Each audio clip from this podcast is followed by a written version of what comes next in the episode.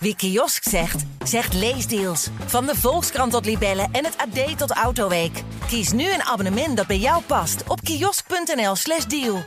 Dit programma wordt mede mogelijk gemaakt door Toto. Ja, we gaan naar Mexico toe en daar kan Max Verstappen een grootheid gaan evenaren. Alain Prost. Alain Prost, ja. Ja. Proost. Proost volgens een AD-collega. ja. Nee, die eh, ja, hij is niet zo groot trouwens hoor, Alain Prost. Het is een heel klein mannetje. Maar eh, in status wel. Die staat dus wel. Ja, 51 zegens. ja, ja Ver- Verstappen, ja, wat ik zeg, dendert maar door, Moeken. Maakt niet uit. Het Formule 1 seizoen dende door. Triple header. Tweede op rij. Een paar dagen geleden al Austin gehad. Ja, we gaan weer volle bak eh, vooruit. Ja, voor de mensen die denken dat wij uitgepraat raken, absoluut niet. Echt, het draaiboek staat bomvol. Dus laten we direct gaan beginnen. Radio check. Loud and clear.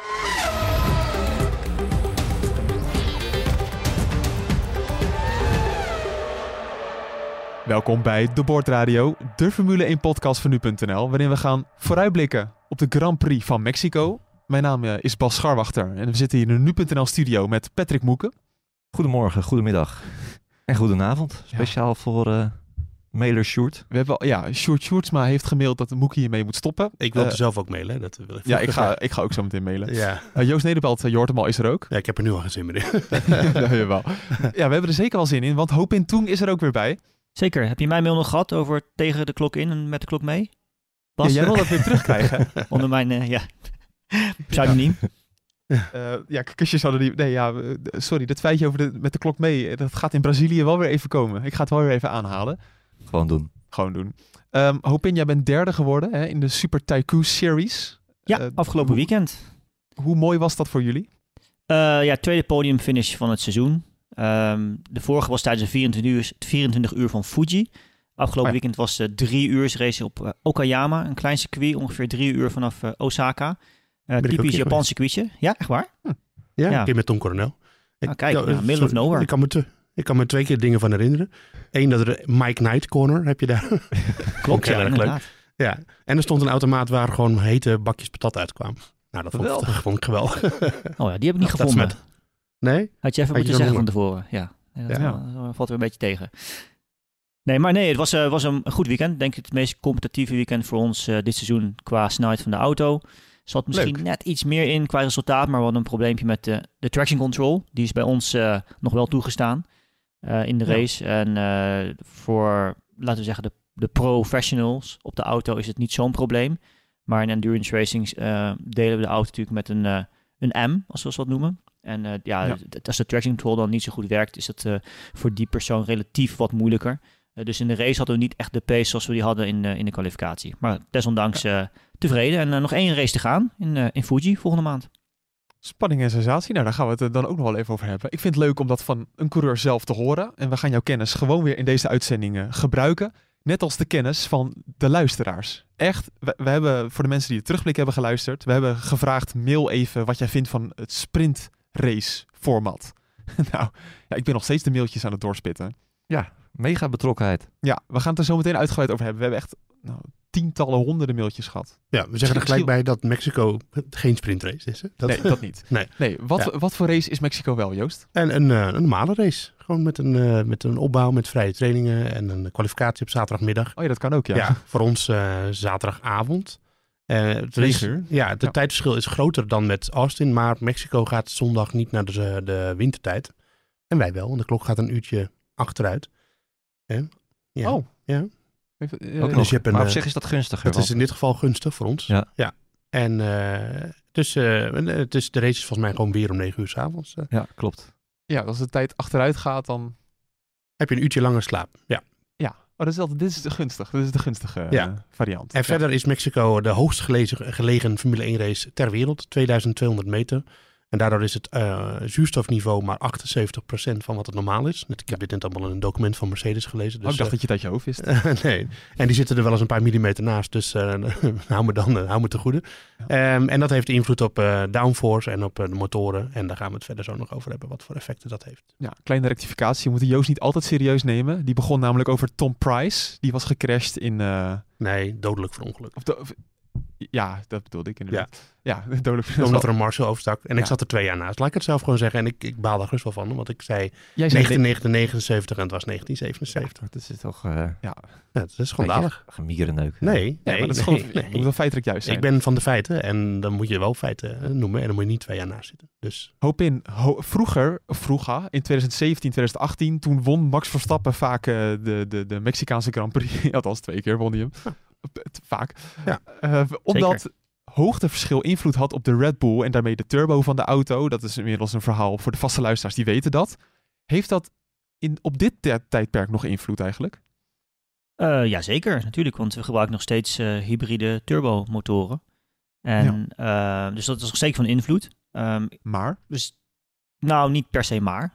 Oh. Nee, hij heeft nog zeker nog steeds invloed natuurlijk. Eh, maar ik denk wat je ook niet moet vergeten is dat eh, de teams maken natuurlijk eh, ook grote ontwikkeling door qua auto. En eh, Ja. wat Joost net al aanhaalde is dat het natuurlijk niet alleen om motoren draait hier, maar ook om downforce. En eh, Mexico is een van de circuits waar je dus eigenlijk met zoveel mogelijk downforce probeert te rijden. De allergrootste vleugels komen op de auto, de Monaco vleugels eigenlijk. Maar Ja. qua hoeveelheid downforce en grip die je hebt, kun je het een beetje vergelijken met Monza. Zo, zo, zo moet je het ongeveer eigenlijk zien. ja, heel gek hoe dat werkt. Ja, ik, ik zei ook de maar, omdat ehm, zie je de consequenties wat minder. Dus vroeger had je een Red Bull dat in één keer boven zichzelf uitsteeg. Ik heb nu het idee dat die verhoudingen gewoon een beetje hetzelfde blijven.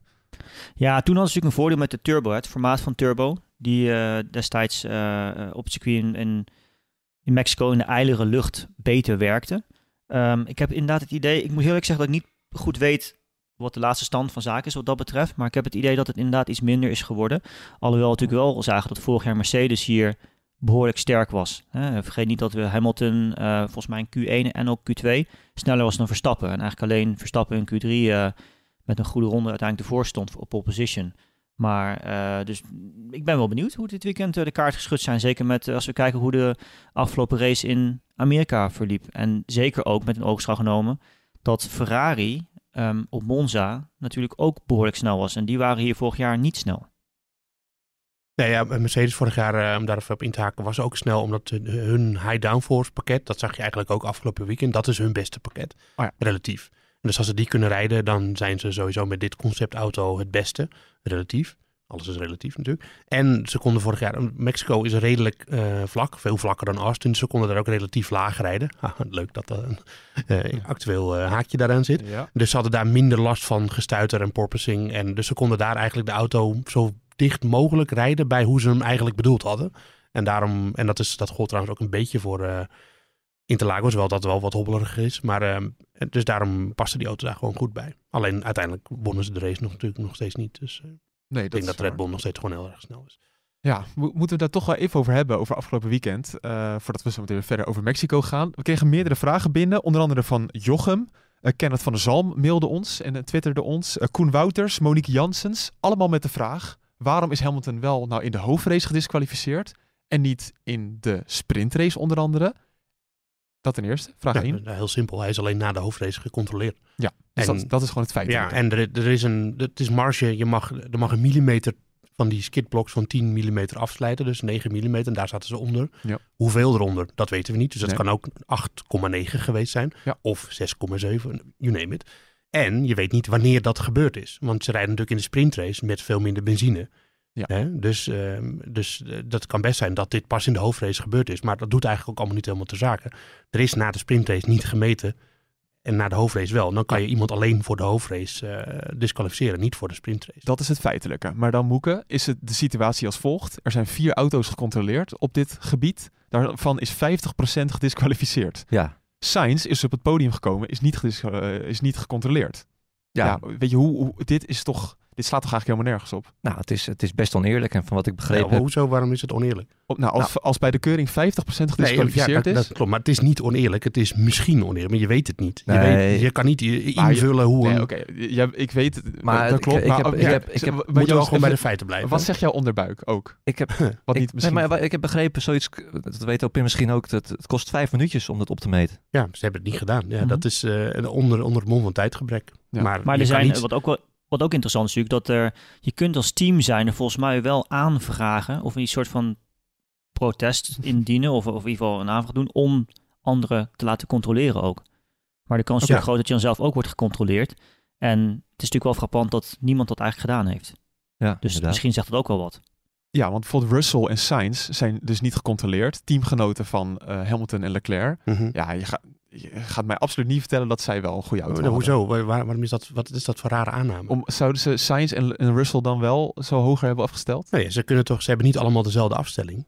Je kan toch niet, om iets wat niet gecontroleerd is, is niet gecontroleerd. Klaar. Dus je weet het niet. En Nee, ja, ze ik. rijden met dezelfde auto's. Dan kan je niet er een soort van feit van maken dat hun ook een te ver afgesleten vloer hadden. Dat kan niet. Moeke, even onderbuikje. Ja, onderbuik is leuk. Dat, het is, er zit natuurlijk wel een Ja, zekere hebben dit- we hebben deze vraag heel veel. Ik heb dit zo Nee, maar ik, ik snap het ontvangen. volkomen. Ja. Ja. Het, is, eh, het is heel apart als je vier auto's controleert en dan zitten er twee onder. Het is wat anders. Ze hadden gewoon iedereen moeten controleren. Dat als je hier de, maar- de wiskundetechniek op loslaat, zou kans berekend technisch is de kans heel klein dat al die 16 coureurs die niet gecontroleerd hebben, dat die dan...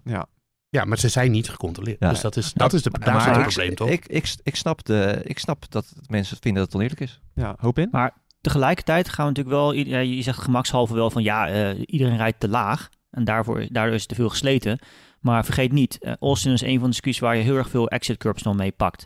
En op die exit zo raak je ook heel erg veel. En daarnaast is het ook op Austin zo dat niet op alle plekken van de baan de hobbels even groot zijn. Als je bijvoorbeeld op het rechte stuk iets meer naar links rijdt, eh, je moet meer verdedigen bijvoorbeeld hè, in de race, relatief, dan, dan, dan rij je daar veel meer overheen. Dat zijn behoorlijke klappen. Dat zag je ook wel gewoon op de camerabeelden constant. En dus Ja. dat speelt ook wel mee. Het is niet per definitie. Ik zei, iedereen gaat gemakshalve vanuit, ja, eh, ik noem wat. Ik zag veel commentaar van, ja, mensen ze, ze spelen vals, ze rijden te laag. Dus dan moet je ook maar op de blaren zitten.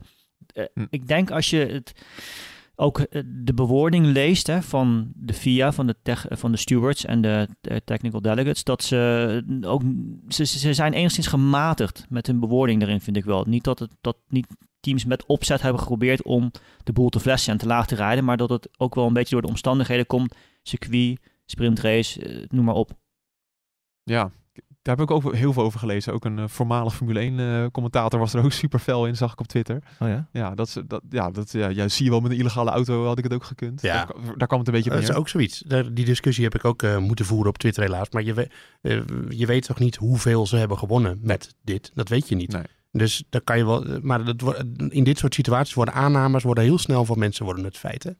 Ook omdat ze graag willen dat het feiten zijn. Precies. Want ze Doe willen graag. mee. Ja, ze willen graag dat Mercedes heel erg vals heeft gespeeld. En Ferrari, dat willen ze graag. En dat Hamilton illegaal is en dat soort dingen. Dat willen mensen ook graag. En daarom worden dat soort aannames heel snel feiten. Ja, Wat ik denk dat er is gebeurd, is dat ze gewoon een klein foutje hebben gemaakt. En dat is stom, dat is verwijtelijk bij Mercedes en bij Ferrari. En misschien nog bij andere teams, dat weten we dus niet. Nee. En dat, eh dat in samenloopt met de omstandigheden, dat dus die auto net iets te laag zat. Niet centimeters te laag, want ik heb nee, ook allemaal... is, nee, dat is dat Allemaal. Ja. eh, nee, maar ik heb het niet alleen tegen jou. Maar ook, ik zag ook allemaal vergelijkingsfoto's voorbij komen. Dat zijn momentopnames, daar kan je helemaal niets het opmaken. Dus dat is gewoon, eh, het is niet zo dat ze daar heel erg de, de boel hebben lopen flessen of dat soort dingen. Komt Ze ook hebben gewoon een beetje een foutje gemaakt. Iets te veel risico genomen misschien. Ja. Maar het kan ook net zo goed zijn, wat Hopin zegt, dat, eh, dat Hamilton en Leclerc steeds een curb op een bepaalde manier wel meepakken, die Sainz en Russell niet meepakken. En dat die daardoor net is afgezet. Dat kan ook. En zolang je het niet zeker weet, kan je wel zeggen, ja, het is oneerlijk. Maar dat slaat gewoon helemaal nergens op. Ja? En het komt door die ene vrije training, denk ik. Als we Tuurlijk, gewoon drie ja, vrije trainingen Ja, nee, hadden dat- gehad, dan, eh, dat is de basis dan hadden ze waarschijnlijk allemaal... eh, je wilt toch Ja. veilig zitten. Zeker als je weet wat voor sanctie erop staat. Dan Ja, ga je en- niet het risico nemen om hem... eh, dat je net wel of net niet aan de goede kant zit. Kijk, en- wat ik gewoon heel gevoelig vind is dat... eh, kijk, Verstappen is er dan doorheen gekomen. Dus bij Perez weet je het natuurlijk niet. Maar Perez profiteert hier enorm van. Ja. Is niet gecontroleerd. Maar Eh, Ferrari ook. ja. Ze, leveren een zesde plaats in voor een, voor een podiumplaats. exact. Dus die zijn er eigenlijk nog bij gebaat ook. Ja, bijna wel. En Ja. dan heb je ook nog, ehm, eh, even kijken, McLaren is over Aston Martin heen gegaan. Ja, wat waren de verschuivingen geweest als, als je meer de... Weet je, het is gewoon best wel oneerlijk. Ja, maar steekproef hoop in is toch niet heel raar. In, dat, ik, ik, ben, ik vond ook dat ze ze Nee, allemaal hadden moeten doen, maar het is Ja. niet heel raar, toch? Nee, nee, helemaal niet. Dat is altijd, dat gebeurt eigenlijk altijd. Steekproefgewijs. Ik denk als je op de VIA-website de officiële documenten van eh, evenementen gaat opzoeken, dat kun je gewoon doen. Eh, dan zie je eigenlijk overal wel dat er gewoon steeksproefgewijs eh, bepaalde componenten worden gecontroleerd. En dat geldt niet alleen voor de vloer, dat geldt ook voor flex van vleugels en, en noem maar op. Dus dat, ja, Ja, dat is vrij normaal. Ja. En ik wil nog even terugkomen wat Joost noemde, wat ik wel mooi vond wat je zei. Ik zag ook die beelden voorbij komen. Was van een eh Amerikaans fotograaf, hè, Jamie Price. Die eh, Ja, ja. het ingaan van die S-bochten, die foto's van achter, de auto's van achter heeft gefotografeerd. Maar dat is, daar kan je natuurlijk totaal niets aan zien. Want Nee. het- ja, als je de ene auto met volle brandstof rijdt, de andere rijdt met qualifying eh, brandstoflood. Ehm, iemand, iemand is op outlap, iemand is op een vliegende ronde. Dat, dat zegt natuurlijk helemaal niks. Dat is een Nee, beetje en- naar opzoeken van foto's en naar een resultaat toe praten eigenlijk. Ja, nou ja, dat het dan in je straatje past. En de Red Bull die heeft sowieso nog iets meer rake ook. Dus die staat aan de achterkant sowieso iets hoger dan de Ferrari en de Mercedes. Ja. Het, is, het slaat helemaal nergens op, echt niet. Terug naar eh, Mexico. Laten we het, eh, want hier komen we niet uit. Eh, nou ja, we zijn toch wel eens op zich. ja, dat is waar. Ja, alleen ja, nee, ik vind het gewoon niet oneerlijk eh, dat, dat Russell en Sainz, eh, dat is mijn punt. En, eh, want ja, ze zijn niet gecontroleerd, klaar. Nou. Ja, en dan heb je gewoon mazzel. Ik vind het eh, wel oneerlijk, omdat mijn onderbuik zegt dat zij ook Ja, niet door de maar keuring Gelukkig gekomen. wordt de, wordt de sport niet eh, bestuurd Ah, op basis van jouw onderbuik. Toch hou je er wel een klein beetje ook een, beetje een zure nasmaak Dat aan over. ook, ja. dat als wel. Ja, en ook als je kijkt naar Hamilton, want Mercedes was gewoon snel in de race. Ehm, en waarschijnlijk is de invloed van die lage vloer natuurlijk beperkt. Maar toch is die auto afgekeurd. Dus je zit toch weer te denken van ja, in hoeverre komt het nou daar en in hoeverre komt het nou daardoor? Ja, en voor de sport, kijk, het illegaal is illegaal. Daar, daar is, best- bestaat geen discussie Nee. over. Maar er worden ook mensen wakker. En dan zien ze in één keer Hamilton hebben genoten van een Lewis Hamilton. Die was echt ouderwets in vorm. En dan zie je in één keer. Nou ja, dit. st- st- ik denk dat we nog wel enigszins blij mogen zijn dat Hamilton die race niet won. Stel je voor, Zo. hij wint die race en dan ja. dat hij dan, eh, dat je Ja. dan de volgende ochtend leest dat hij, dat hij die eh, Grand Prix niet heeft gewonnen. Ja, Max Verstappen, dankjewel. Uh, dankjewel daarvoor dat je gewoon gewonnen hebt. Eh, om dan gelijk een bruggetje te maken, Moeke, naar Max Verstappen in Mexico. Het wordt niet voor niets eh, vaak Mexico genoemd.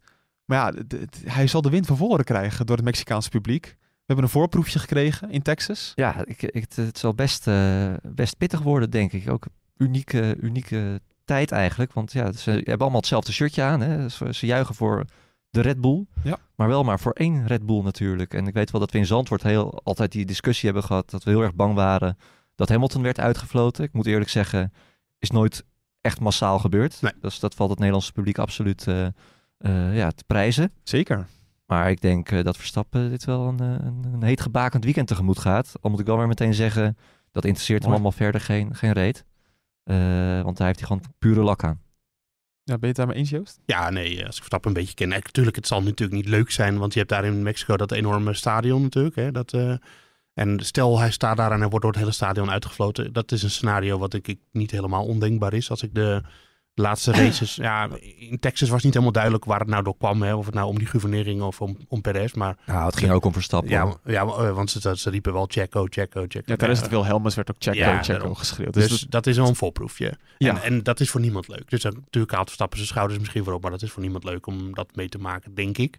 Hm. Aan de andere kant, ja, Mexico gaat ook gewoon weer voorbij en dan gaan we naar Brazilië en daar is je erg geliefd. Dus eh, ja, ja, hoop in, wat, wat- hoe kijk jij ernaar? Want ik kan me ook voorstellen dat bepaalde rivaliteit in een sport ook wel weer leuk is. Maar gaat dit dan weer te ver? Natuurlijk, Uitfluiten. rivaliteit hoort erbij, toch in de sport. Dus hartstikke mooi, maar eh, ja, ja eh, uiteindelijk zou je dat altijd houden. En dat is niet alleen aan Formule 1 natuurlijk voorbehouden. Dat, dat zie je ook in andere sporten gebeuren. En eh, ja, fans kun je niet controleren. Ik vind het wel eh, zaak dat iedereen gewoon eh, op een normale manier zijn werk moet kunnen doen. Want uiteindelijk is het zo dat de coureurs ook eh, ja, gewoon aan het werk zijn. En ik denk, wat Joost terecht aangeeft, ik, ik denk... Was, was, was jij dat Joost of Patrick? Ik weet niet eens. Maar ik denk dat het eh, Max echt eh, aan zijn reet kan roesten wat eh, het publiek daar schreeuwt of roept. Die stapt gewoon in de auto en die doet gewoon zijn ding en eh, dat is het. Ja. De Formule 1 is wel natuurlijk altijd, eh, en dat is het, hoop in het, hoort er ook bij, hè, die rivaliteit. Maar Formule 1, zeker als het met fans altijd gaat, is het wel altijd heel sportief geweest. Ja, Als je, ja, vroeger zeker. In de jaren negentig zat je, daar zaten Schumacher en de Hakkinen fans allemaal gewoon door elkaar. Het maakte niet uit wat voor shirtje je hebt. eh, dat is wel iets veranderd eh, de laatste eh, jaren. We hebben natuurlijk ook die verhalen in Oostenrijk eh, gehad. Maar ja, ik hoop, ik hoop toch wel dat, dat het niet de kant op gaan dat het helemaal uit de hand gaat lopen. Een beetje ri- rivaliteit is goed, maar het moet wel normaal blijven natuurlijk. Ik moet wel zeggen dat ik in de Super Tycoon Series zat ik wel de hele tijd van uh, Hub APR. Weet je wel, eh, Ja, ik zat echt vol te juigen voor ze. Ja, Ze je- werden vierde, echt genaaid ook door hoop in, weet je wel. Ja. had Maar gedisqualificeerd je, je, worden. rijdt, je, rijdt geen, je rijdt geen Toyota, begrijp ik, want die doet ook mee. Oh. meneer, meneer, meneer, Toyota, meneer Toyota zelf. Oh, is het zo? Oh. Ja, zeker. Ook, overwegen een Toyota te komen. Nou, Ja. Sorry, ik neem het allemaal weer terug. Nee, maar dit- ja, goed, een geintje natuurlijk. Maar de, de, de rivaliteit die, die zal er aanwezig zijn. Al, al is het ook zo met dit soort dingen, dan denken we van tevoren dat het heel erg wordt. En dan valt Misschien het valt het wel eigenlijk mee. Ja. Dat dachten we het eerste jaar ook in Zandvoort met Hamilton. Toen viel het ook heel erg mee. Ja, Ja. ik denk niet dat Verstappen cadeautjes gaat geven om het thema Nee, maar dat eventjes is die eh, een andere op te vraag. gaan. Ja. Nee, ja. Ik denk dat eh, als het al speelt, dat Verstappen misschien alleen maar meer is gebrand om dan deze Grand Prix ook te winnen. Maar dan, ja, ja, ja cadeautjes. Hoe Ja. werkt dat ook? Nou ja, je, je zou een scenario kunnen bedenken waarin Verstappen eerste ligt en eh Perez tweede. En dat hij dan misschien in gaat houden om eh, wat te doen. Ja, Ja, maar gaat hij dan van zijn gas? De, volgens mij hebben we dit vorig jaar ook al nou besproken. ja, het is, het, is nu echt, het is nu niet echt nodig natuurlijk. Ja, maar gaat omdat hij dan al zijn gas af? Denk heb, jij, niet. heb jij Verstappen ooit iets zien doen wat hier ook maar bij in de buurt kwam? Nee, maar het, het is nu wel iets anders natuurlijk. Nou, hij wil gewoon winnen. Ja, Ja, omdat ik, de titel is al gep- gepakt. Gaat hij niet doen. No Ja. way. ja, maar hoop Ik denk als het, het- misschien, ja, het is misschien toch meer dat, dat Red Bull misschien eh, de, de PRS de undercut zou laten gunnen of zo. Zoiets. Ja, als hij bij hem in de buurt komt. Zou het? Ja, Ja, precies. dan moet je ook wel de, de, baan op de, de positie op de baan eh dermate hebben. Hè? Eh, ik Ja. denk persoonlijk als het, eh, weet ik veel, als ze vierde en vijfde liggen, dan misschien, Dan misschien, wellicht ja. dat iets zal overwegen. Of overwogen zal worden. Maar Ja. ik denk als ze e- eerste en tweede liggen bijvoorbeeld, dan eh, kan me niet voorstellen dat Verstappen een overwinning zal gaan opgeven. Nee, en aan de andere kant, het, het verschil is 39 punten. In het voordeel van Perez en Hamilton, 2 en 3. Ja, hij heeft, die, hij heeft dat, eh, puntje- die puntjes ook niet echt meer nodig. Nou, dan moeten we gelijk denken aan eh, Brazilië vorig jaar, waarin Verstappen dat wel had kunnen doen. En toen naaide die eh Perez heel erg door niet van zijn gas te gaan. Ja, da- daar zijn ze in Mexico heel boos over natuurlijk ook Ja, nog. Dat, nog steeds. Dat is allemaal onthouden, ja. Dus Verstappen had het een keer kunnen doen en toen was het wel eh, gunstig voor het kampioenschap. Toen heeft hij dat niet gedaan, ja. wat echt eh, zeer kwalijk was. Wel, Nou ja, of hij- kwalijk trouwens, had hij- weer niet. had Maar Verstappen werd toen zesde, het maakt er ja. niks uit. Nee, ja, en Verstappen die zei dat hij zijn reden had, toch? Dat had toen weer met Monaco te Met maken. Monaco te maken, ja. Ja, en coureurs Ja, hebben een uh, dat- olifantengeheugen. Maar het is meer kwalijk natuurlijk omdat toen ook een, eh, het, het meer gevraagd werd door het team. Hè? Het wordt Ja, echt, dat- er was een instructie van het team en dat, wat, dat werd natuurlijk ge- genegeerd. En dat is natuurlijk wel iets, ja, ik weet niet. Uiteindelijk is het een, als je in de auto zit, natuurlijk een soort van individuele sport. Want de coureur die, die komt over de finish als winnaar of als verliezer. Eh, maar uiteindelijk is het natuurlijk wel een soort van teamsport. En dat moet je toch wel een beetje in ogenschouw nemen, vind ik. Ja, Ja. Dat, dat, dat is zo. Maar tegelijkertijd gaf dat ook wel heel duidelijk voor iedereen weer hoe de verhoudingen binnen Red Bull zijn. Want uiteindelijk is er maar één de baas. En dat is gewoon echt Max daar. Ja. Die bepaalt. Ja, en toen had je natuurlijk ook nog dat, eh, was het nog geen jaar geleden dat Perez natuurlijk ook best wel eh, een grote rol had gespeeld in Abu Dhabi. Ja, eh, dat was en, dat is nu ja. allemaal al zo lang geleden. Dus Ja. nu is dat allemaal, ja. Ja, toen was Perez ook wel de held. En, eh, Ja, en toen was Perez ook gewoon beter dan hij nu is, want nu is hij gewoon nog, nog veel slechter. Ja, ik denk dat het inderdaad voor Perez gewoon zaak is dat hij eerst maar eens op die tweede plek achter Verstappen komt te rijden. Ja. Ja. nou dat gaat waarschijnlijk al niet lukken. Want dat is al moeilijk genoeg. Ja. Nee. Nee. want wat denken jullie? Gaat Perez gewoon tweede worden? ik denk het niet. Nee? Als je ziet in welke vorm die nu zit en hoe moeilijk die het heeft, dan is er geen enkele reden om aan te nemen dat hij dit weekend eh, zomaar wel eventjes eh, in de buurt of in ieder geval achter Verstappen gaat zitten. Nee, het is, eh, ik zou niet weten waarom wel. Hoop in? Zeker ook, ja, zeker ook omdat, eh, zoals, omdat op het circuit in Mexico, eh, vanwege eerder genoemde reden dat de lucht zo ijl is daar, vanwege de hoogte, eh, de auto een stuk minder grip heeft. En als je al niet zoveel vertrouwen hebt in de auto en de auto beweegt gewoon veel meer, omdat er dus minder grip is.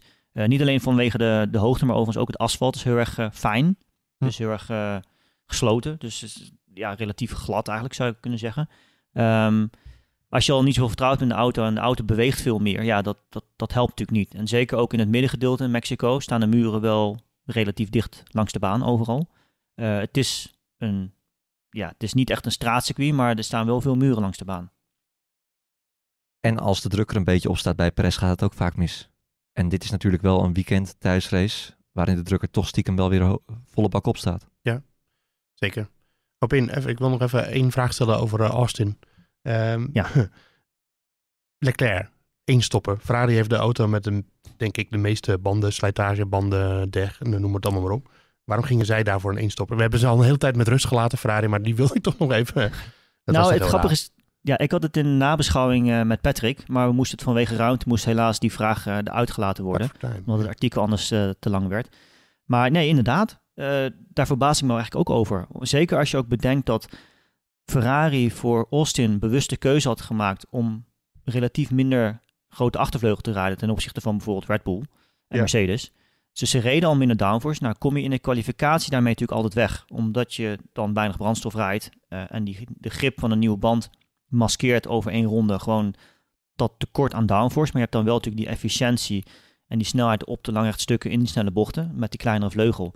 Maar in de race ja, eh, ben, je gewoon, eh, dan dan ben je dan gewoon de pineut. Want je hebt veel meer slijtage natuurlijk, omdat je minder downforce hebt. En zeker in Austin, waar achterbanden zo kritiek zijn, Eh, ja, ik, ik snap persoonlijk niet zo goed waarom Ferrari die keuze maakt om dan uitgerekend zij die keuze maken om één stop te gaan voor Leclerc. Dat, en zeker ook nog eens met Leclerc, waarvan we eigenlijk toch wel weten dat hij niet echt een bandenfluisteraar is. Nee. Ja, ik wilde hier ook naartoe, ook omdat ze... We hebben natuurlijk... eh, Verstappen zei dat zelf ook na afloop in de persconferentie. Want ja, ze komen dichterbij. Maar als je gewoon gaat, gaat kijken naar wat er nou eigenlijk gebeurd is in Austin, ook vooruitblikkend op Mexico, Ja. dan was Ferrari snel in de kwalificatie hierom, wat Hopin net zegt. Dus ze hadden minder vleugel en in de kwalificatie, ze hebben al dat die warm-up van de banden beter is. En ze hadden gewoon de grip van de band over één ronde, maar niet op race niveau. McLaren was ook niet heel erg sterk natuurlijk uiteindelijk. En Mercedes, ja, dan weten we dus ook niet eens van hoeveel ze nou profiteerden van de lagere auto. Maar ehm, ja, die, eh, uiteindelijk waar, zaten die er wel dichtbij. Dus dat is een beetje de vraag, wat is nou het, tweede team? En dan denk ik toch dat Mercedes op dit moment wel de tweede is in eh, Mexico. Eh, ook omdat die vorig jaar natuurlijk vrij goed waren.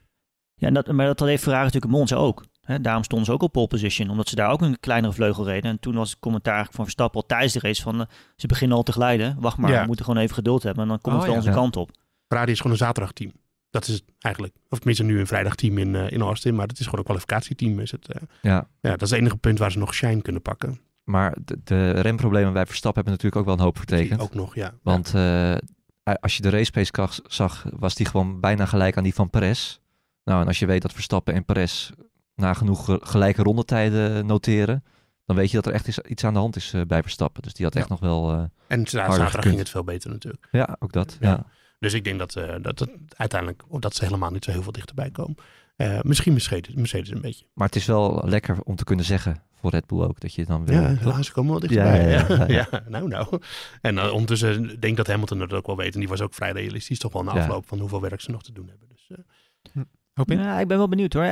Mexico is bandenslijtage echt heel erg laag. Ja. En dus misschien kan Ferrari er net iets beter mee wegkomen. En Vergeet niet, eh, een van, we hebben het natuurlijk over downforce en grip, maar een van de grootste problemen voor een team in Mexico is eigenlijk de koeling. Hè? En dat is ook de reden, zeker vorig jaar, eh, met de onbetrouwbaarheid toen van de Ferrari-motor, dat ze natuurlijk, tenminste, ik, ik vermoed dat dat de reden was, waarschijnlijk niet zo snel waren daar, omdat ze gewoon de, mo- de motor niet vol konden laten draaien. Eh, dat hebben ze misschien dit jaar wat beter voor elkaar. Dus mm, ze zouden nog best wel eens redelijk goed voor dag kunnen komen hier. Interessant. Zullen we op even- zaterdag. Op zaterdag. Op zaterdag. Ja. Ja. Ja, nou, op zaterdag. en Misschien kunnen ze het iets langer volhouden in de race vanwege eerder genoemde redenen. Mexico is echt gewoon... Ja, ik, ik kan me nog wel herinneren toen... Ik heb daar een paar keer gereden ook met WEC. World Endurance Championship. En ehm, ja, het was een van de weinige skis dat je op een nieuwe set uitging. En dan, eh, dan kom je naar binnen en dan maak je de afstelling. En dan ging je weer naar buiten. Twee runs later reed je nog, bij- nog steeds bijna dezelfde rondetijd. Wat natuurlijk echt ongekend was. Ehm, dat wordt misschien dit jaar wel iets anders. Omdat ik zag dat Pirelli de, de drie zachtste compounds had meegenomen hè, uit het eh, spectrum. Ja. Dus eh, ja, dat, dat is mede, vanwege die reden. Omdat gewoon de slijtage gewoon heel erg beperkt is. Mag ik vragen waarom? Want je hebt best wel wat haakse bochten en, waar je tractie voor nodig hebt. Dat is toch allemaal slecht voor de banden? Weinig snelle Mm, bochten. mee, het- ja, Dat, dat, ja, dat is het vooral, hè? Ja. Ja. ja, er zijn niet echt veel supersnelle bochten. Het middengedeelte natuurlijk wel die S-bochten die redelijk snel zijn. Maar ehm, wat ik zei, de eerder genoemde grofheid van het asfalt is heel erg laag. Ehm, ja, nee. Dus de slijtage in, eh, is dus hoger als je in zeg maar de maggots-baggots combinatie Ja. of zo. Dat soort, daar is het hoger dan dat je steeds moet draaien en keren en dat soort zaken. Ja, ja, als je die, die opbouwende wrijving zeg maar, hebt, dat, het echt, dat de auto heel erg op één kant leunt, hè, dan, dan, krijgt hij, dan wordt hij heel erg eh, belast. Maar gewoon met alleen tractie ja, kan je op een gegeven moment wel last krijgen van de achterbanden, maar niet de laterale grip, die wordt daar Ja. niet echt heel erg mee eh, beïnvloed. Je krijgt sneller last van bandendegradatie vanwege oververhitting. Eh, wat, je, wat, wat Joost al zegt, omdat je dus eh, constant slip hebt. Vanwege het gebrek aan grip, vanwege eh, het gebrek aan downforce eigenlijk. Ja. glij je meer eigenlijk op de band. En dat glijden zorgt weer voor een soort van overfitting op de, op de oppervlakte van de band eigenlijk. De, de, en en dat, dat geeft dus soms graining, overfitting. Het zou echt mooier zijn, dat in films van vroeger heb je dat natuurlijk. En ook eh, af en toe hoor je dat bij een straatauto wel. Dat als je hard door de bocht gaat, dat je dan dat gillende geluid hoort, weet je. Dat zou eigenlijk beter zijn als je dat bij Formule 1 ook hoort. Want dan wordt het wat duidelijker dat de banden heel erg zwaar hebben. Ja. Maar je hoort het gewoon bijna nooit bij Formule 1. Dat het eh, geluid. dat, eh, Ik weet niet of we dat nou in de uitzending erover of op de redactie. Dat, dat, dan hebben we het over wind. ja. Weet je, en dan zeggen ze, ah, de wind is toegenomen en zo. Ja, dat is zo oninteressant.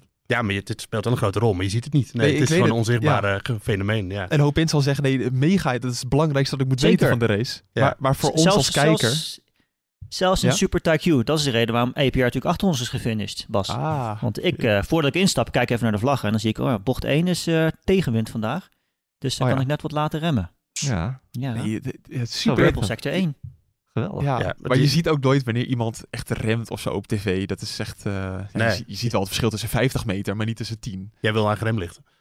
Ja. Zou, zou wel beter zijn, ja. Ja, ik weet het, waarom ja. niet? Ja, we, we, WEC hebben ze dat wel, toch? En we- jullie hebben ook eh, remlichten, neem ik aan. We Bij hebben ook Super remlichten. Ja. Ja, maar Ja. ik heb altijd het idee dat daar een soort van vertraging in zit. Want ik kijk dan wel eens naar andere auto's en dan denk ik van, het is echt onmogelijk dat ze zo laat remmen. Oh, ja. ja dan, gewoon om het beter te laten lijken dan het is. hè. Ja. Ja. Ja, of ligt aan jouw hoop in, dat kan ook nog. Dat kan ook, dat kan ook, waarschijnlijk. Ja. ja. ja. Hey, eh, we gaan eens kijken naar... eh, Mag- ik wil nog wat zeggen over het circuit. Hij wil nog wat zeggen over het circuit. nou, ga je doe je ding. We gaan Ah, ervoor zitten. We hebben het natuurlijk best wel ook met Hopin eh heel vaak gewoon een gaaf circuit, hè? Ja, ja, ja. Ik vind Mexico gewoon geen leuke baan. Het is, Oh. het is, het, het, als je echt kijkt naar kenmerkende bochten, het, het, het is het allemaal net niet. Dat lange rechte stuk. Je kan wel heel goed inhalen. Ik vind, nog, dat eh, wel. ik vind je nog vrij positief met het is het allemaal net niet. Het is gewoon, het is gewoon een eh, niksbaan. Nee, toch? Nee, er Ja. zit er geen zak aan. Nee. En Nee. we hebben ook niet echt heel veel leuke races daar gezien nou in het verleden, sinds we daar zijn gekomen Mm. in 2015. Nou, dat weet ik niet. Valt wel mee toch? Met Stappen toen met Oh. Vettel, dat die, eh, nou, dat was meer controverse. Dat ja, is er, eh, echt maar- spektakel. Nee, Nee. het is... Eh, Komt ook een beetje door die eh, inhalen is ook gewoon best wel moeilijk. Door die, die, stadionsectie die dan voor het rechtstuk zit. En dan verlies je Ja. al zoveel tijd dat je eigenlijk bijna niet, eh, niet kan inhalen. nee. Nee. dus, en de eh, toe is natuurlijk ook, dat is ook een gevolg van... Oh eh, ja, in de kwalificatie. Ja, dus zo. het DRS-effect is relatief groot door die grote vleugels, maar Ja. de toe is weer heel klein. Dus uiteindelijk is het gewoon moeilijk om in te halen. We hebben ook jaren gehad, we hebben wel eens video's gemaakt van ja, Verstappen moet niet op pole position komen hier. dat het ongunstig is, ook Ja. met die Ja. lange, ja, lange dat aanloop was mooi naar de eerste bocht. 2021, want dat, dat met Mercedes op de eerste rij en Verstappen start toen als derde. Ja. En dat hij toen buitenom de hele, gewoon dus allebei uitremde. Met de spanning van het kampioenschap dat ervoor op, hè? Ja. Ja, ja Toen, dat toen zat ik via Play nog in het, puntje nodig. dat was, was toen een documentaire, zat toch in het huis van Jos toen? Oh ja? Ziggo was het toen nog. Of Ziggo, sorry, Ziggo was dat ja. Dat, Ja. eh, dat Jos zat toen mee te kijken. Ja, dat was, ik was er toen bij die race, maar het was echt briljant. Die, eh, dat is een van de mooiste dingen die ik hem heb zien doen. Ja, Ja. gewoon, eh, dat is echt ballen. Ja, Ja, op dat een een cruciaal actie. moment ook. Ja. In het seizoen, ja. Ja, Moek, ik wilde Nee, gewoon maar naar ja, jou. maar ik- ik- oh, ja, oh, nog één keer. Het feitje van de week gaat Nee, ik er wil, nooit nog komen even, nee, ik wil nog, ik wil nog eventjes eh, vertellen. eh, dat jij, je hebt natuurlijk altijd, jij hebt die running gag, Bas, over circuit linksom, rechtsom, eh, tegen de klok en klok mee. Doe het nou niet maar ik, nee, maar ik zeg, dat is wat ik altijd zeg met Patrick, ook vaak in de voorbeschouwing. Circuits die veel hoogteverschil hebben, Ja. waar het veel omhoog en naar beneden gaat, zijn eigenlijk altijd gaaf. En geven altijd mooie races. Hè, kijk maar, Austin ook weer, eh, daar gaat het best wel veel omhoog en naar beneden. Zeker. Mexico is natuurlijk zo plat als een dubbeltje. Ja. Ja. Ja. Maar is het, ook, is, het ook, is het ook een makkelijker circuit dan Alpine om als coureur op te rijden? Is, kan je dat zo zeggen? Mm, Wat minder ja, uitdagend ik, is? Ja, ik vind, het, ik vind het persoonlijk wel iets gemakkelijker. Ja. Eh, wat wel, en dat is ook altijd wat ik vaak zeg, natuurlijk, eh, circuits waar je veel langzame bochten in hebt, kun je natuurlijk ook relatief veel tijd winnen of verliezen. Hè, dat zijn vooral de langzame bochten waar je met een paar kilometer puur harder doorheen rollen heel veel tijd kunt winnen. Hm. Dus eh, het is wel zaak om ook gewoon precies goed die band ook in de window te krijgen. Want dat is natuurlijk ook lastig op zo'n circuit hier, waar grip weinig is. De preparatie van zo'n band is heel erg lastig, of kwalificatie daardoor. Ehm, dus ja, En dat eh, lange rechte stuk, ik, ja, ik ga het niet weer, ja, ik, ik ga het wel zeggen. In de Formule 1 game, hè, dan heb je Baku en heb je Mexico. Ja. Ik verveel me echt heel erg dat rechtstuk. Ja, ik heb soms zelfs dat Ja, ik jij even mijn telefoon erbij pak. Jij bent natuurlijk een, eh, ben jij nou Gen Z of ben je millennial? Ik ben echt een millennial. Millennial, ja, jij verveelt je natuurlijk al als er drie seconden niks gebeurt. Ja, dat is Dus, eh, echt zo. daar- Ik daarom mijn kijken- telefoon erbij. Daarom kijken het zijn generaties. ik vind echt wel eens dat ik even een appje ga kijken. Want, ja. Ja, je bent van de TikTok. Het filmpje moet niet langer duren dan, dan een minuut, want dan verveel je al. En, Ja. en laatst zei hij dat hij zich in Nou. Band of Brothers al verveelde. dus ja, Ja, ja, vond jongen, Brothers. Aflevering Oh. 6 en 7 was zo saai. De sneeuw. Ja, 7 en 8, weet ik veel. Maar hoe, sorry, hoop in. Hoe, hoe, dat op, ja, hoe is, de, hoe is dat? eh, Een serieuze, een serieuze coureur. ik wil niet zeggen dat ik mezelf daar onderschaar hoor, overigens. Maar Nou, eh, nee, eh, Ja. je bent natuurlijk wel... eh, Zo'n laag stuk geeft je ook weer extra veel tijd om na te denken... of je nou wel of net die twee meter later gaat remmen. Oh, En dat is Oh, eigenlijk wel wat vaak in de gedachten van een coureur omgaat. Je bent natuurlijk constant... Ja, het gaat automatisch analyseren wat om je heen gebeurt... en afstand ten opzichte van de bocht en noem maar op. En, maar je moet aan het einde van zo'n- zo'n lang rechtstuk natuurlijk wel de keuze maken van waar ga je remmen. En zeker in een kwalificatie eh, heb je je band goed in de window. Eh, want je, hebt, je ziet veel coureurs in Mexico natuurlijk ook die met eh blokkerend wielrecht doorschieten daar. En dat heeft een reden Ja. natuurlijk, omdat nogmaals, warm-up is lastig. Is je band klaar, vooral in de eerste sector. En je moet wel echt aanvallen. Ga je aanvallen of neem je net iets meer beleid? En dat, ja, daar zo'n lang recht stuk, eh, er gaat toch wel een beetje in het hoofd zitten van zo'n coureur af en toe. Maar je band koelt toch ook af op zo'n lang rechtstuk ook binnen? Ja, inderdaad, zeker. Ja. Daar hebben ze, je hebt er wel heel, ik- hebben ze nog steeds die infraroodcamera's bij Formule 1 tegenwoordig? Lang niet gezien. zag je heel vroeger, in- ja, Ja. Ja. zag je Dat wel vroeger in wel mooi, hè? Ja. Dat je dus kon zien op die lange stukken dat ook die band dan echt gewoon helemaal, ja, wat was, was het, wat de blauw dan weer? Blauw? Ja, paars? het werd gewoon echt weer koud. En dan kom je bij de eerste bocht aan. En dan heb jij geen grip omdat je band koud is. Ja. Nou, Ja. ik zag van de week eh, bij de Grand Prix van Amerika de, de batterijmeter. Dat sloeg eigenlijk helemaal nergens op. Dat was Russell tegen wie was het ook weer? En dat was 40 om 50, dus het maakt helemaal niet zo heel veel uit. Ik zou dat live willen zien. Dat mensen hun overtake gebruiken. En dat, ze, dat je ziet dat ze hebben nog 40%, 40% batterij over, of juist 20. En dat je weet dat Verstappen komt eraan, die heeft nog 80%. Ja, Dat ja. zou leuk zijn. Ja, ja, maar aan de andere kant vind ik dat we tegenwoordig al zoveel van die infographics hebben dat het ook wel een beetje... Ja, maar dit heeft invloed op het racen. Jawel, Jawel. maar ja, ja, dit, is, dit, is, dit is discussiëren met boeken. Je geeft gewoon een goed argument en dan zegt hij, jawel, maar... Of, of het nog erger, dan doet hij, ja. Ja, oh, oh, ja. Ja. je hebt misschien wel gelijk. Ja. Nou, ik weet niet. Het Ja. lijkt me een leuke nieuwe dimensie. Net als Je, dat je het- zou kunnen hebben theoretisch dat Moeke naast de kant van de sloot staat, helemaal nat. En dan zeg je, zegt hij, ik weet niet hoe ik nat ben geworden. Moeke, je bent net in de sloot gesprongen. Jawel, Jawel. maar... Jawel, maar was het niet aan het regenen? Ja. Ik vind gewoon dat er veel graphics zijn. Ja, dat, Ja, dat mag. Ja. Nee, dat is waar. Ja. Maar dat is ook al deze discussie dat je misschien tien keer een DRS mag gebruiken. Dat lijkt me ook heel leuk. Dat je echt tactisch ziet van, oh, hij gaat nu DRS Nee, nee, inzetten. nee, dan wordt het gamification.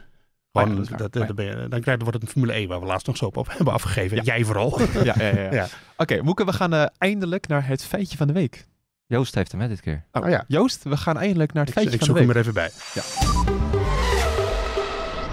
Even kijken. Ehm, dit jaar is het voor het eerst... Of nee, nee, laat ik het zo zeggen. Ja, voor het eerst sinds 1952. Het seizoen is nog niet afgelopen, dat moet ik erbij zeggen. Ja. Dat geen Britse coureur, dus Lewis Hamilton, George Russell of Lando Norris in dit geval... of een Brits team, officieel Britse inschrijving, eh, een Grand Prix heeft gewonnen. Dus dat is 52. Toen bestond de Formule 1 nog maar twee jaar. Maar, dus het kan je eigenlijk vertalen dat we sinds 52 niet meer het Britse volkslied in dit seizoen hebben gehoord. Exact. Heel goed. Intelligente jongen, hè? Ja, laat, soms laat hij zichzelf even zien. Ja, dit, ja, ja, dit feitje zag ik vaker voorbij komen. Ja, Dat je ja, dus het Britse Het is, jammer, dat- volkslied... het is jammer dat het een podcast is, dat je niet zijn gezicht kan zien. Hè? Ja, hij was trots hè. Dat kunnen dat mensen gewoon bij Ja. Ja, ja. Ja.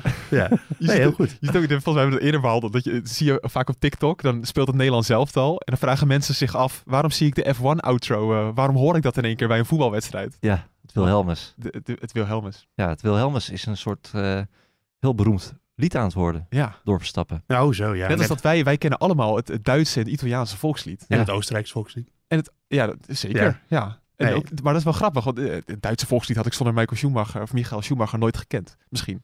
Eh, nee. Nee, nou ja, hoe dan ook. Ehm, klopt. Maar er zit natuurlijk een beetje een, eh, er zit natuurlijk wel een klein beetje een vals speel dingetje in. Hè, als het, eh, want Red Bull Racing zit natuurlijk gewoon in Milton Keynes. Ja. ja dus eh, dat is eigenlijk gewoon een Ja, Brits Max team. Verstappen is ook een Belg, toch? dus, Nee, don't go there. Ehm, en, eh, Nee? en Mercedes is natuurlijk, eh, die hebben natuurlijk nog niet gewonnen. Dat is waar. Maar eh, Ja. ja, wat, wel- welk volkslied gaat er dan naar? De Duits, gewoon. Ja, trouwens, ook een Ja. extreem Brits team natuurlijk. Ja, ja. Ja. Brackley. ja, Ja. Milton Keynes. Nou, ja, hoe Ja, dan zowel ook. Dus, motoren als... eh, ja. Ja, motoren worden in Brickthorpe gemaakt. Mag ik het feitje overtoepen? Ah, graag. In de laatste elf Mexicaanse Grand Prix hebben we elf keer een andere polsitter gehad. Geweldig. Dus we hebben geen één keer, de laatste keren geen één keer dezelfde polsitter gehad. Dat gaat van Senna en, en, en eh, Mansell. En dan had je Rosberg, Hamilton, Vettel, Ricciardo, Leclerc, Bottas, Verstappen. Ja, we waren ook heel lang bezig altijd met eh, de eerste pol van Verstappen. Die kwam er, die kwam er niet. Ja, 2018. Ja, Ah, en hij had ja. toen de jongste polsitter ooit nog kunnen worden. En toen eh, ging Ricciardo er opeens met eh Die dat jaar er vandoor. helemaal niks van bakte. Nee, nee, ook in nee. de race niet, volgens mij. Ja, nee, want Verstappen won wel gewoon die race. Ja. Ja, dat eh, kan je Oh. ook... Ik, ik kan je dat niet meer eigenlijk... het- Dat lijkt alweer zo lang geleden. Dat er gewoon ooit een tijdperk was waarin Verstappen ja, sporadisch een race won. Ja, dat is wel en dus niet geleden. altijd, eh, dat, ja, dat ook niet altijd favoriet was voor Pol. Ja, net als dat je altijd vergeet, of tenminste, ik vergeet het vaak, dat tussen Barcelona en eh, Maleisië zat anderhalf seizoen bij. an- anderhalf seizoen. Ja. Ja. Dus dat, ja, dat is ongelooflijk. Eh, en dan hebben we nog een feitje. De laatste tien keer dat Charles Leclerc pole position pakte, won een Red Bull uiteindelijk. Dus Charles niet eh, op pol eh, kwalificeren. Ja, inderdaad. Ja, zo, dus dat is ook een omgekeerde uitspraak. Ja. De Verstappen-fan wil dat dus wel. Hup Charles Leclerc. Ja. Maar Moeke wil dat niet. Nee, ik wil nog even terug naar 1952. Want dat is ook een record wat Verstappen dus kan breken. Oh. Want acht van de, nee, zes, zes van de acht races dat seizoen, pak hem er even bij, werden gewonnen door Alberto Ascari in de Ferrari. Dat is 75% van het seizoen gewonnen door één en dezelfde persoon. En dat is een record wat Verstappen nu in principe al virtueel verbroken heeft. Want hij staat nu op 83% van de races gewonnen in een jaar. Namelijk 15 van de 18. Moet je even in de microfoon praten? 15 van de 18, sorry. Ehm, Oh, dus dat is nog een record wat hij ook, eh, dat, dat is toevallig 1952 ook. En dat record kan hij dus eh, breken. Moet hij nog twee van de vier Grand Prix winnen dit jaar? Dan heeft hij dat. Dan heeft hij het. Ja. En dan, is je, dan kun je dus niet alleen zeggen van hij heeft de meeste races in één seizoen gewonnen, maar dus ook Ja. procentueel. Oké. En ik vind eigenlijk dat, het is ook dat we dat seizoen er nog bij pakken, acht Grand Prix, dat is natuurlijk een totaal andere tijd. Onvergelijkbaar met nu. Ik vind het wel een beetje oneerlijk voor Alberto Ascari, want... oh, hij deed wel mee, sorry. Nou, dat jaar deed, eh, stond de Indy 500 ook op de, was onderdeel van de Formule 1 eh, kalender. Ja. En, eh, Hmm. deed- maar ik dacht dat hij daar niet aan meedeed, maar hij deed wel mee. Maar hij is in de 40ste ronde uitgevallen. Hm. Met de Ja. Ferrari. En twee van de vier. Ja, Ja. Mexico gaat waarschijnlijk sowieso lukken als er geen pech komt. En Abu Dhabi lukt ook. En dan is Las Vegas natuurlijk een groot vraagteken voor iedereen. En, en Brazilië, daar verwachten we veel van de Mercedes, toch? Goed. Nou, dan gaan we daar nog de komende tijd nog vooruitblikken. Ehm, gaan we ook eens kijken naar het volgende rubriekje. Oh, nu moeten we al die mails nog gaan beantwoorden. Nee, ik wil eerst weten of er giga-chaos gaat komen. Oh ja. Dus we gaan naar eh, de weerman. And how's the track? Wet. You winters or wet? I think we should go to the garage. Can you stay out on this condition? Yes! Race has been suspended. A good decision.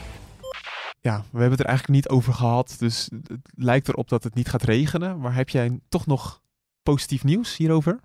Nou, anders was het waarschijnlijk wel eerder ter sprake gekomen. Ja, dat denk ik trouwens ook. Maar het blijft waarschijnlijk gewoon droog. 5 tot 10 procent, kans op regen iedere dag. En eh, 25 tot 26 graden, eh, windkracht 2. Dus het, is, eh, het weer is ideaal om in te rijden, maar niet heel erg spannend. Ja, en Joost, je weet als Moeke niet eh, optimistisch is over die 10%, dan weet je het gaat niet gebeuren. Ik heb het woord moesson niet voorbij horen komen. nee. nee. nee. Maar Is een er- moesson op 220, eh, 2200 meter hoogte Ja, lijkt maar- ook, niet- kan ook niet volgens mij. maar er is toch een eh, giga-orkaan in Ja. Mexico? Nou, niet daar. Hm. niet Mexico daar. is groot hè. Mexico is groot. Ja, in, in Acapulco is het. Ja, volgens mij wilde Opin nog wat zeggen. Nee hoor. Oh, dat dacht ik. Nee, ik, wilde zeggen, ik, ik vroeg me wel af eh, qua temperatuur. Want ik, weet- kan me nog wel herinneren dat Mexico dat het ook wel behoorlijk kan schommelen qua temperatuur. Eh, Op bepaalde momenten van de dag. En dat heeft natuurlijk ook invloed op eh, de hoeveelheid grip. Ook zei, ik blijf erop doorgaan hoor, dat het moeilijk is om een band eh, goed aan het werk te krijgen daar. Maar ja, temperatuurverschillen is iets natuurlijk... Dat, dat klinkt relatief weinig, zeker als je het vergelijkt met bijvoorbeeld Qatar, hè, dag- en nachtrace. Maar ehm, dat speelt zeker ook in Mexico mee. Al is het maar een paar graden. Ja, ik weet wel dat het daar, de temperatuur kan inderdaad wel heel erg verschillen. De, ik ben er dan Mhm. één keer geweest bij de Grand Prix. En het, s ochtends kan het echt heel erg koud zijn daar. En dan is het, eh, het wisselt gewoon heel erg sterk inderdaad. Ja.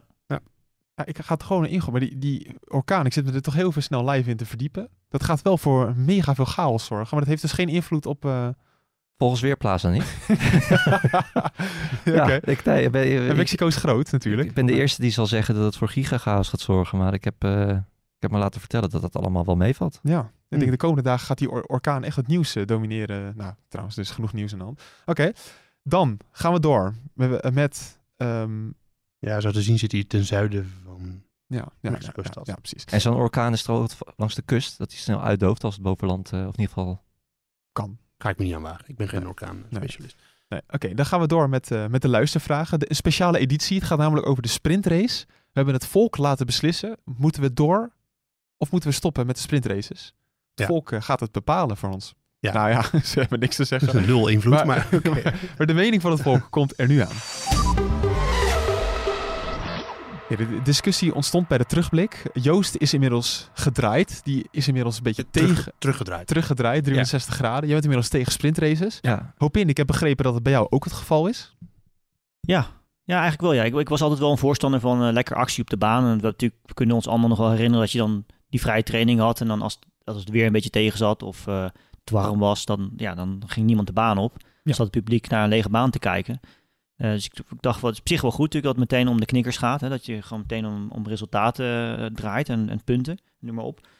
Alleen ja, wat we natuurlijk hebben gezien in Austin, je zei het al eerder, was het natuurlijk heel erg jammer dat je naar een race te kijken die echt tot de laatste ronde best wel spannend is. En dan vervolgens is het een behoorlijke anticlimax.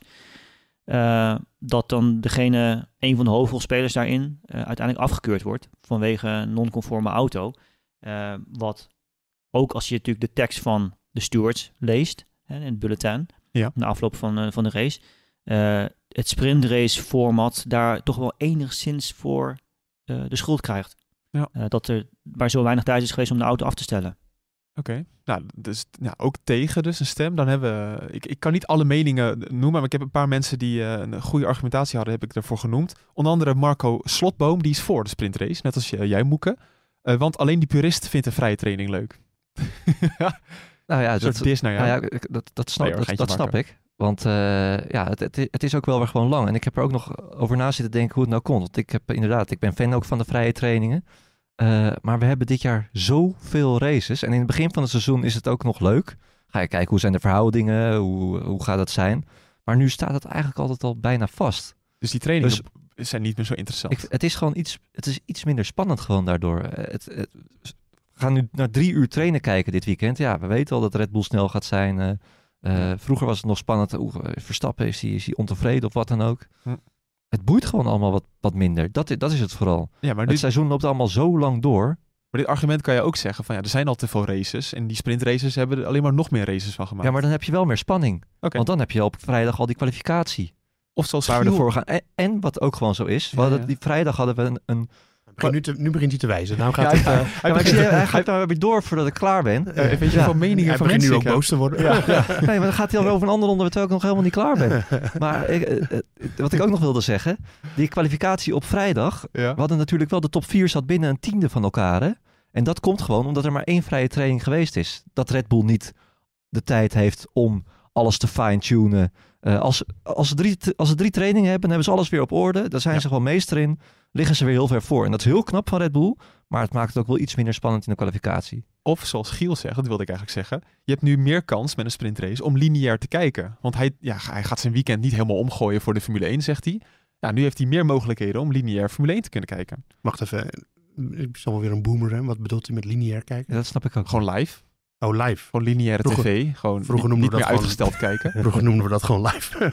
Ja. ja. Ja. Ja, ik, ik merk nu dat ik oud word. Ja, Ja. ja. ja, sorry. Ja. Eh, eh, Leo Scholder en Bart Eurlings hebben de mening dat zij nog wel redelijk voor een sprintrace zijn, maar tegen de Park Vermee-regel.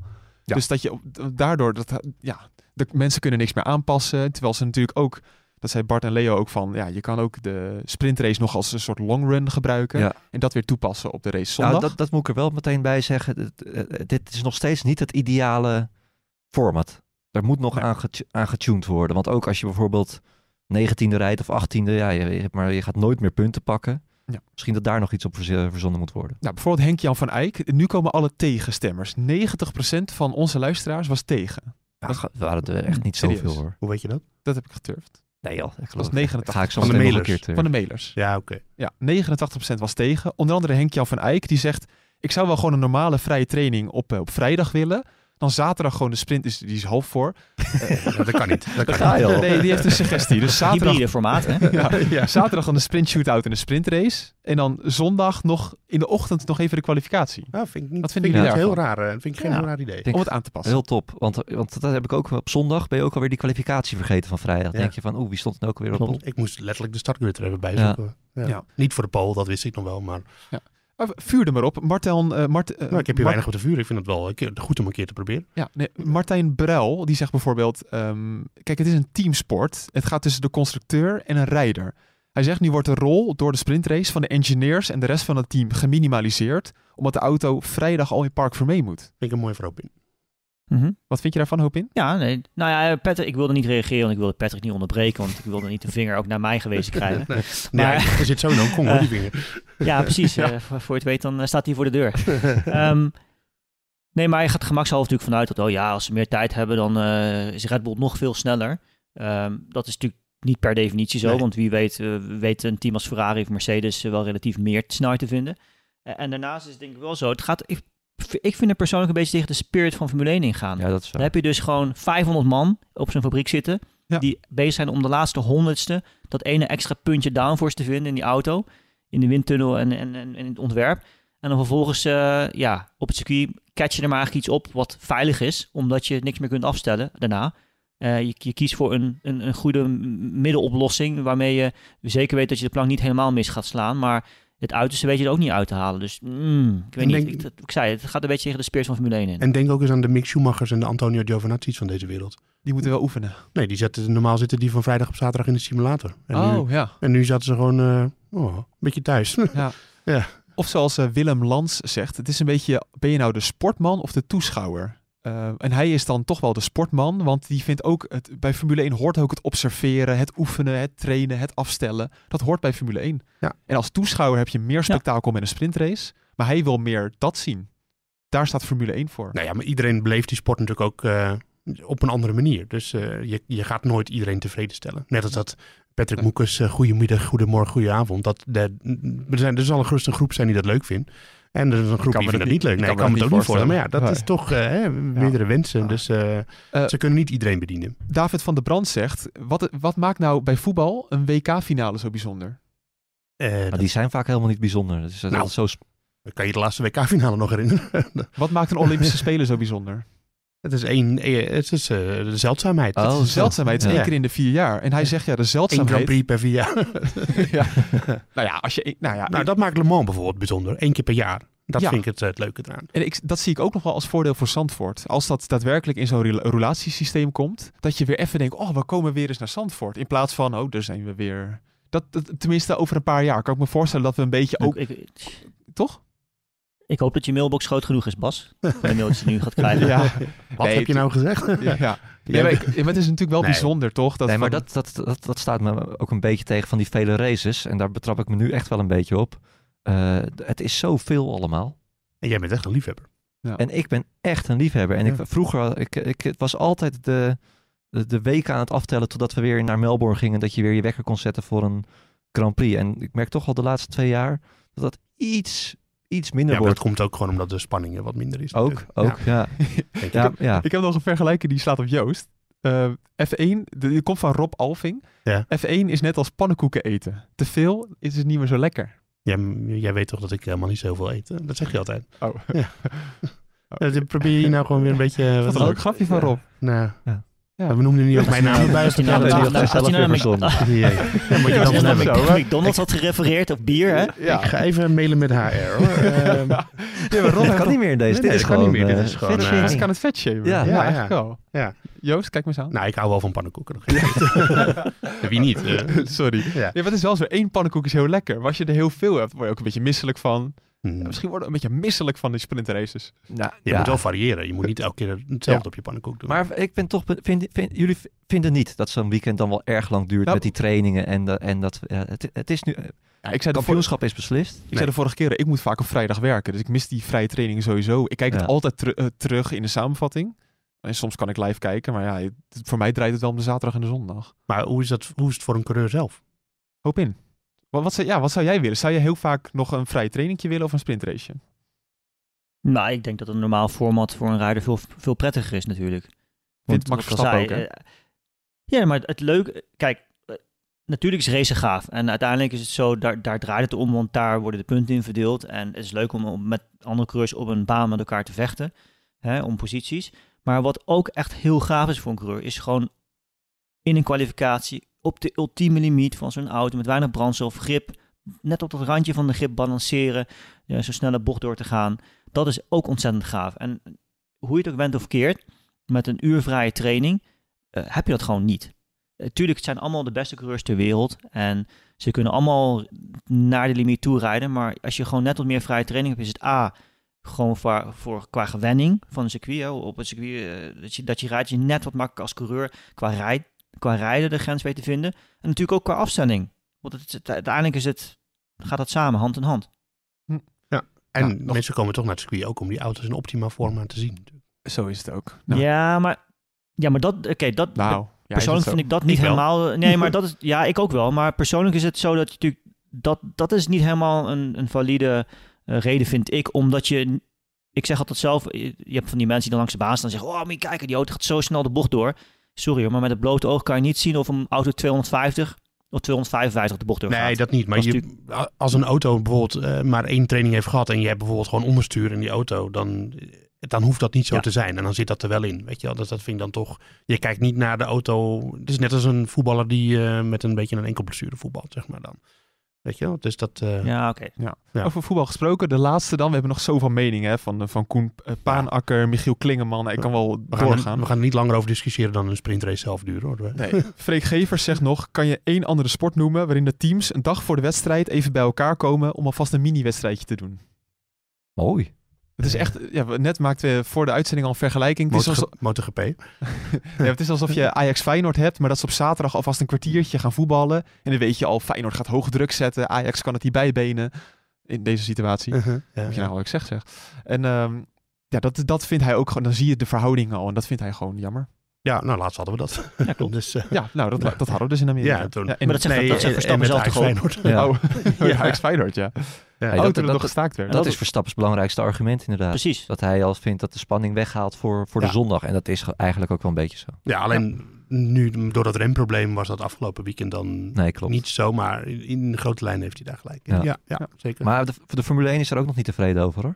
Nee, Niet want ze zijn, eh, Motorsport bracht gisteren het nieuws dat ze zijn eh, gaan, of nou, er wordt onderzocht of er een reversed grid kan gaan komen, of er een apart kampioenschap voor het sprintweekend moet gaan komen.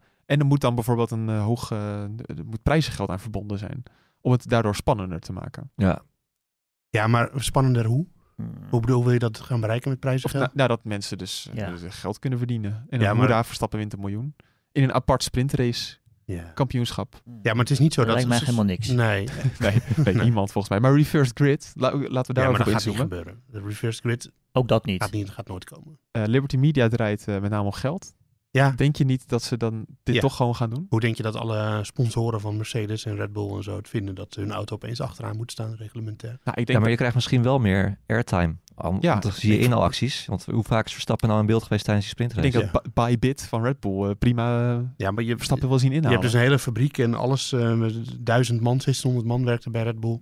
Ja. Alles en dan moeten die auto, om die auto zo optimaal te krijgen, en dan moeten ze achteraan starten. Dat, Ja. dat vind ik Maar een beetje zo- indruisen eh, tegen de competitie. Over die reversed grid. Ik snap, snap ook dat de puristen zeggen, moeten we niet doen. Dat de, de coureurs dat ook allemaal niks vinden. Maar er wordt al zo ongelooflijk lang over die reversed grid gesproken... dat ik nu ook zoiets heb. Doe het Doe nou. nou even één keertje, dan zien Ja. we of het... Ja, natuurlijk het wordt het leuker. Maar dan wordt het wel, ja, dan Ja, of wel, niet, en dan ben je van die discussie af. Dan wordt het wel weer, wordt het leuk. Het wordt het wel, ja, nee, ik denk dat het wel gaat werken, dat wel. Maar dat, je gaat wel, dan ga je wel erg ver van competitie af. Dan ga je inderdaad een beetje Formule E-achtige Ja, dat is waar. Maar je ja. moet altijd dan eerst een Yuki, eerst een Albon en eh, Gasly Ocon voorbij. Dat is al, altijd leuk. En Magnussen. En, en Magnussen. Nee, maar iedereen moet... Nee, maar ik, waarschijnlijk wordt de top 10 dan omgedraaid. Ik kan me niet voorstellen dat Verstappen echt vanaf P20 gaat beginnen. Geen idee. Nou ja, dat moeten ze dus uitvogelen. Ik, ik denk dat de Formule, de Formule 1, dat, dat denk ik, dat is zo, die, die zijn er nog mee aan het knutselen, gewoon om het sprintformat nog eh, aan te passen. En ik denk dat dat in de loop naar volgend jaar ook wel gaat gebeuren. Ja, ik, ik geloof daar ook heel erg in. Omdat het allemaal om geld draait, Joost. Nee, dat, dat snap ik. Maar ik vind, eh er is zoveel weerstand tegen eh, reverse grid. Ja, dat, van eh, de teams, ja. ja. Oké. Het is een mega lange podcast Maar wel leuk dat, eh dat alle luisteraars zo betrokken zijn. Want Ja, dat maakt echt. toch wel wat los. Ja, Ja, echt. We, want ik heb echt de helft niet genoemd. Dus Zeker, zeker niet de helft. Dus ehm dank je wel daarvoor. En dat heb je binnen een half uur allemaal gelezen. ja, ik heb heel veel reacties ook niet voorgelezen. Hm. Eh, ook, ook Luc Morel zegt, ja, het kost me gewoon te veel tijd. Formule 1. Kan ook. Ja, dat is natuurlijk wel, kijk, voor ons is het ook Dat ons is werk, zo. gelukkig. Maar ik snap, als jij gewoon een normale baan hebt, heb je ook niet de tijd om eh, alles te gaan zitten kijken op een vrijdag en die kwalificatie. eh, Nou, En daarom moeten we ook ik niet... zou je vertellen. Oh, Ik, ik had een race afgelopen weekend. ja, En eh, de, de sprintrace was om drie uur of vier uur s'nachts. En hetzelfde voor de, geldt God voor de Grand Prix. Ja. ja, ik heb dat allemaal achteraf natuurlijk moeten terugkijken. En dat dat is best wel veel tijd. Ja. ja. ja, klopt. Ja, nou kijk, daar ga je ook. Kijk, hoop in is het levende bewijs.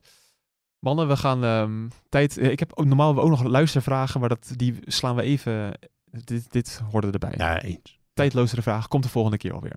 We gaan door met de voorspelling in het nu.nl GP-spel. Ja, als we het toch nog even over mailtjes hebben. We waren inderdaad zondag het GP-spel nou, niet vergeten, maar de, de uitslag was niet geüpdate door de disqualificatie. Eh, We krijgen ook in één keer eh, gewoon tien mailtjes daarover van mensen die denken, waar is het GP-spel? Ja, maar ook van mensen die zeggen dan, ik doe zelf niet mee, maar ik heb het GP-spel wel gemist. Ja, ik, ik dacht echt dat het het meest gehate onderdeel van de show was. Maar Nee, ja. Ook hiervan voor geld waarschijnlijk dat een deel het wel leuk vindt en een deel het niet Ja, leuk nee. vindt. eh, ja. Nou, we gaan er wel heel doorheen. We hebben namelijk wel een, een andere weekwinnaar gekregen. Dat is wel voor degene die eh, Vorige week, ja, ik weet niet meer wie dat was, maar Ja, nou, NE94 had een team met Lando Norris, Verstappen, Sainz, die daar dus een podiumplaats door kreeg. En Tsunoda. ah, het is geen Hamilton op het podium. Was een van de weinigen. Nee, ja, goed, goed ingeschat. Ja, Klasse gedaan, ja. ja. Ja, die is dus uitgenodigd voor de theatershow op 27 november in het AFAS Theater in Leusden. Kaarten kan je kopen via shop.nu.nl. Ja, en eh, de, de winnaars, weekwinnaars, die krijgen binnenkort allemaal een mail van ons met eh, Ja. een code waarmee ze de twee kaartjes kunnen bestellen. Ja, na de show gaan we er even naar, naar kijken. Of na deze uitzending. Ehm, voorspellen. Ik, laten we met Hoop in beginnen. Die mening neem ik het meest serieus. Minst of het meest? Meest natuurlijk. Ja, Joost die, die Oh. kijkt me gelijk raar aan. Nee, hoor. Eh, ja, nou ja. eh, je bedoelt achter Verstappen, dus voor plaats 2 en 3 Ja, aan. inderdaad. Wie wordt 2 en 3? Ehm, ja, ik, ik denk persoonlijk dat Mercedes en Ferrari het best wel goed zullen doen hier. Dat, dat gevoel heb ik, ik weet niet waarom. Hm. Ehm, dus zullen we dan voor Hamilton 2 gaan en Sainz 3? Ik vind het allemaal prima, Hoop in. ja, we komen er toch nooit op terug. nee, maar mensen hebben een beetje een idee aan welke richting je moet kijken, toch? Ook voor het GP-spel handig. En dan de mening die daarnaast meest serieus is. Eh, die van mezelf. Nee, nee Boeken. Eh, Verstappen, ik denk toch dat eh, Ferrari wel weer sterk terugkomt. Leclerc, gun ik weer zijn podiumplaats. Twee en dan Hamilton toch drie. Nou, wat hij eh, zijn plek kwijtraakt in Austin. Juist. En McLaren? eh, Nee, nee, hè? Nee, te veel langzame bochten, denk ik ook. Ja, nee, ik denk eh, Hamilton 2 en Russell 3. Ik denk dat Mercedes het sterkste na Verstappen is. Oké, ik denk Perez 1, Verstappen 2, Hamilton 3. het moet, misschien valt het wel een keertje goed voor Perez. Ja. Ja. Ja, ik dacht, ik doe het gewoon en dan kan ik er later op terugkomen. Ehm, Maar dan komen we er opeens al op terug. ja, ja, daar komen we er 100% op terug. Ja. Ja. of je nou Sainz of eh, Norris op 3 hebt. Ja. Maar in ieder geval wel, kijk, we doen dit ook vaak, even voor de duidelijkheid, omdat McLaren, ik wist dat eigenlijk helemaal niet, dat, dat zij dus eh, niet, je hoeft ze niet op het podium te verwachten. Nou, ja, maar de, in, eh, in eh, eh, Austin eh, hadden ze ook hele lage verwachtingen. Eigenlijk ook omdat daar veel langzame bochten zijn en niet heel veel snelle bochten. Eigenlijk hetzelfde verhaal als hier. En daar waren ze toch relatief, Norris was relatief goed. Piastri, merkwaardig slecht weekend. Had natuurlijk wel die aanvaring in de race, maar ook Mhm. daarvoor ging het al niet lekker. Nee. Maar, ehm, dus nee, die verwacht ik niet echt eh, vooraan. Nee. Oké, nou, dat, daarvoor is eh, deze rubriek altijd heel handig. We gaan hem eindelijk afronden na ruim een uur. Een van de langste uitzendingen van het seizoen. Er was niks te bespreken, zeiden we vooraf. Ja, nou ja, ik zei juist heel veel, wel een bomvol draaiboek. Oh ja, oh, ja heel Ja, goed. Dat, eh, dat kan wel Ja. zo uit. We hadden, hadden we een draaiboek dit keer? ja, kon je het Bas, merken? Bas schijnt altijd een draaiboek te hebben. Ik heb hem nog nooit gezien, Nee. maar hij schijnt te bestaan. Ik, ik hou nu mijn laptop omhoog. Kijken, hier, hier allemaal meningen van mensen. Oh ja, Je het helemaal, Ja, helemaal goed, vol. goed bezig. Oké, dat was hem. Ehm, heb je nou nog vragen voor ons? Niet te veel. podcast.nu.nl. Is inmiddels een dagtaak geworden. Eh, je kan ook nog abonneren via Spotify. En ehm, dan zou ik zeggen, we zijn er zondagnacht weer bij de terugblik op de Grand Prix van Mexico. Ja, dat wordt een, weer een eh, nachtdienst voor ons. Lekker. Ik ga niet klagen over dat soort dingen. Zeker niet. Nee. Heel veel zin in. Hoop in, dankjewel De weer. enige eh, die daarover klaagt, is moet ik algemeen. Ja, dat klopt. Ja. Nadat hij een kapsalon op de redactie heeft gegeten. Ja, omdat hij dan weer te veel... Hij eet altijd te veel, ik niet. Nee, dat is helemaal waar. Nou, ja. nou, Joost, geniet van je pannenkoeken. Eh Ja. Hoop in, dankjewel voor jouw tijd. En dan zijn we er zondag weer. Ik rol ze lekker. Doei doei. Daar.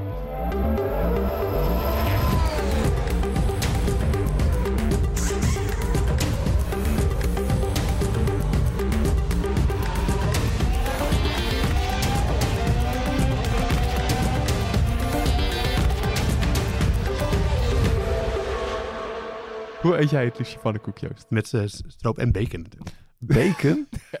Ja, door bacon.